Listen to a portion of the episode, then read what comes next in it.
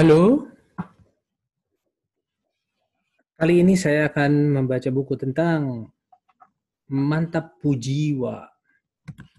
Mantap Pujiwa ini adalah buku karya Jerome Pauline Sijabat dan penuh dengan pelajaran-pelajaran tentang hidup. Jadi mulai dari dia kecil sampai dia akhirnya menjadi seorang yang berhasil lah kurang lebih begitu. Uh, buku buku ini mau saya bacakan kepada Akila dan Mbak Ajeng dan Ragil siapa pun yang mau baca.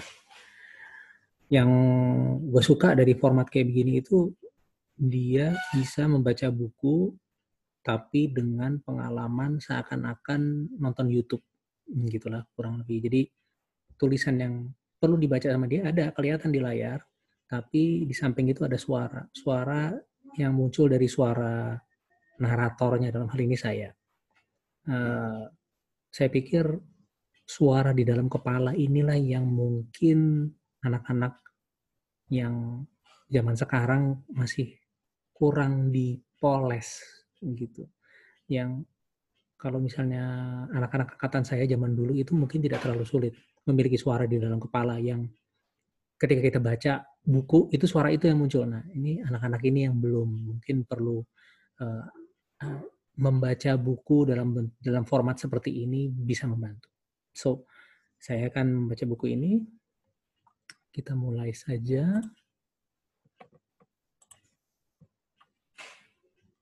Buku latihan soal mantap jiwa.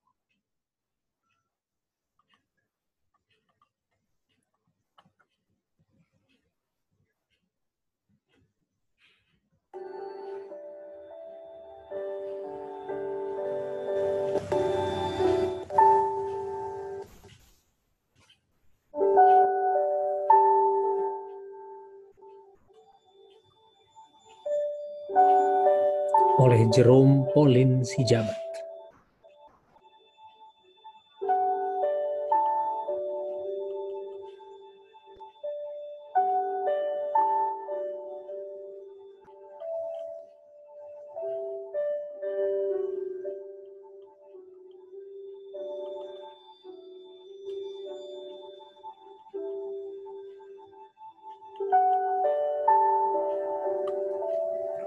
Aku lahir di Jakarta. 2 Mei 1998.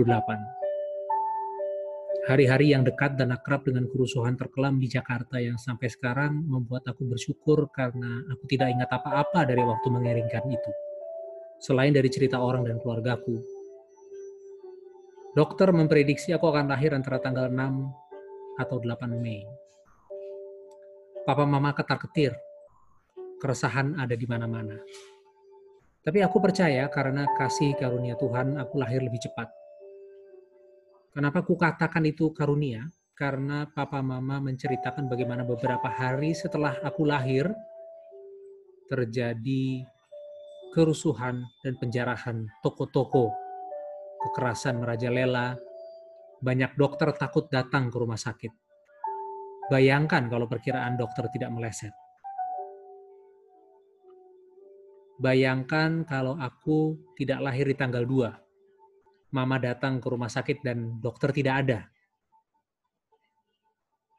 Ya sudah, nggak usah dibayangin. Aku juga nggak sanggup bayangin ya. Keluarga aku sederhana saja.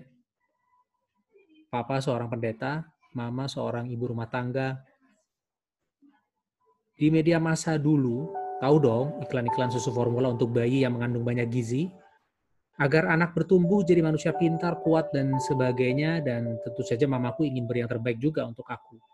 Tapi apa daya, krisis moneter yang melanda saat itu ditambah kondisi perekonomian keluarga yang sangat terbatas, maka tidak ada susu berkualitas tinggi untuk Jerome.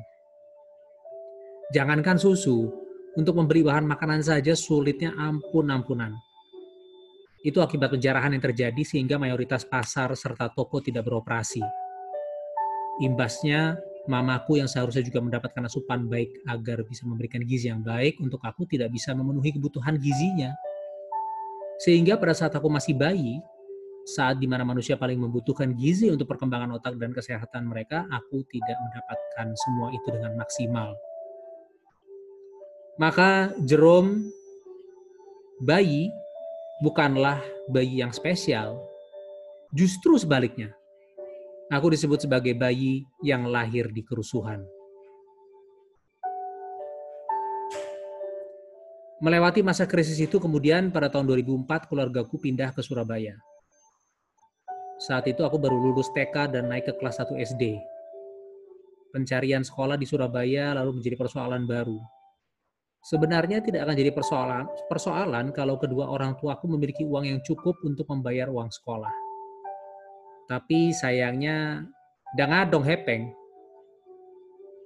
Aku masih ingat, aku, abang, papa, dan mama bareng-bareng keliling dari satu sekolah ke sekolah yang lain buat mendaftar.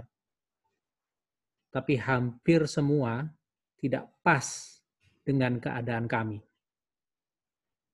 Ada yang biayanya terlalu mahal dan tidak bisa memberi perkeringanan. Ada yang kuota siswanya sudah penuh.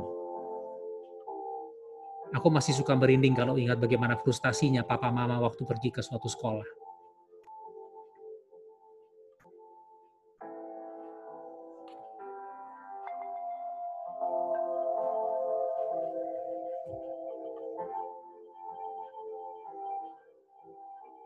Mereka ngobrol sama kepala sekolah, lalu menerima fakta pahit kedua anaknya tidak bisa sekolah di sana. Tapi papa mama tidak berkecil hati. Mereka selalu percaya rencana Tuhan indah dan Tuhan tidak pernah meninggalkan kita. Setelah mencari ke sana kemari, akhirnya ada satu sekolah berkategori elit dan high class. Karena merupakan sekolah nasional plus yang bisa menyediakan beasiswa untuk aku dan abang, IPH School itu nama sekolahnya Uang sekolah yang seharusnya jutaan rupiah per bulan kami diberi keringanan, sehingga hanya perlu membayar jauh lebih sedikit daripada yang seharusnya. Mimpi untuk bisa sekolah di luar negeri muncul seketika. Dan karena aku masuk sekolah ini, semua teman sekelasku adalah orang berada di Surabaya kalau kalian nonton film Crazy Rich Asian, nah mungkin sebagian besar teman sekelasku bisa dikatakan sebagai Crazy Rich Surabayan. Sempat viral kan predikat tersebut. Tapi memang istilah itu tidak berlebihan kok. Mulai dari alat-alat tulis, sepatu, mobil, rumah, dan lain-lainnya semuanya wow. Bohong kalau aku bilang aku tidak iri. Iri betul guys, tapi dari semua itu yang paling buat aku iri adalah kenyataan bahwa teman-temanku banyak yang ikut kursus pelajaran tambahan di luar sekolah. Hampir semua temanku ikut les matematika kumon. Karena lihat mereka hampir semuanya begitu, aku juga jadi mau ngeles dong. Dan tentu saja aku mintanya ke mama. Dan mama menjawab begini. Gak usah ikut les-lesan ya, Jer. Kamu tahu kita nggak punya uang. Kamu ngertiin ya tapi nanti aku ketinggalan dari teman-temanku dong. Begini aja, kata Mama Lembut. Teman-temanmu yang les itu, mereka dikasih banyak soal, terus soalnya dibahas. Nah, nanti setiap hari Mama kasih kamu soal dari buku matematika. Kamu kerjain sendiri. Nanti ada pembahasannya. Sama aja kan kayak ngeles. Tapi yang ini gratis, anggap aja Mama guru lesnya.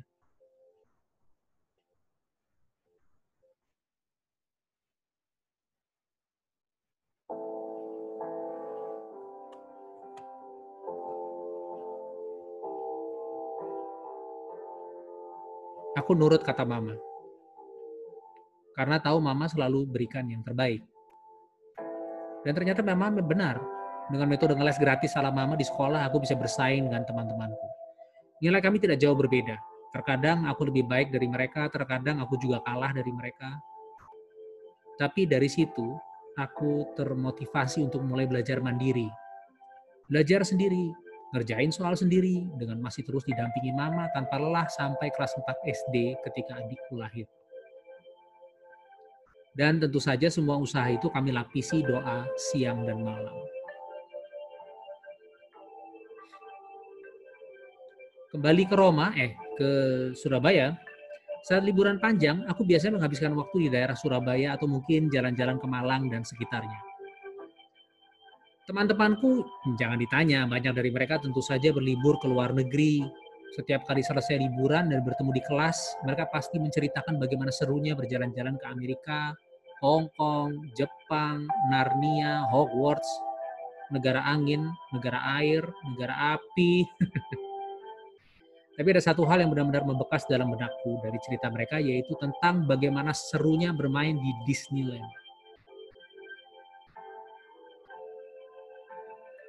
Sejak mendengar semua cerita itu, aku jadi bermimpi untuk suatu hari bisa pergi ke Disneyland bersama keluargaku.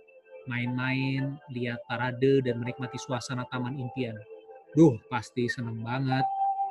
Memang mimpiku terkesan cetek atau klise, tapi untuk aku di umur segitu, mimpi itu kelihatan seperti bola yang terlalu besar untuk dipeluk, yang mustahil untuk kutaklukkan. Dan aku berpikir siang malam, di bawah makan, di bawah tidur, di bawah mandi, mimpi itu ke bawah-bawah terus. Nggak mau lepas, nggak mau pergi. Mimpi itu mengusik terus. Sampai tiba-tiba anak kelas 2 SD bernama Jerome ini mendapatkan ide dan mimpi baru. Yaitu kuliah di luar negeri saat itu kuliah di luar negeri adalah cara paling masuk akal yang bisa kupikirkan supaya bisa dengan bebas kapan pun ke Disneyland. Dan jadilah kemudian langkahku diarahkan oleh satu mimpi, kuliah di luar negeri. Dengan bangganya seperti habis menyingkap penemuan paling berharga di muka bumi, aku ngomong ke papa mama. Pah, mah, setelah lulus SMA, aku mau kuliah di luar negeri.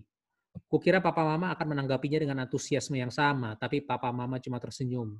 Dan dari senyum itu aku sudah tahu apa yang akan mereka katakan. Kamu kan tahu papa mama nggak punya banyak uang. Untuk bisa biayain kamu kuliah saja sudah sulit, betul mikirinnya J. Apalagi kuliah di luar negeri. Jadi kalau kamu mau kuliah di luar negeri, jangan minta ke papa mama, tapi minta ke Tuhan ya. Bahuku langsung lemas. Tapi ada satu api semangat yang tiba-tiba menyala di dalam diriku. Kalau begitu, aku harus mendapatkan beasiswa penuh.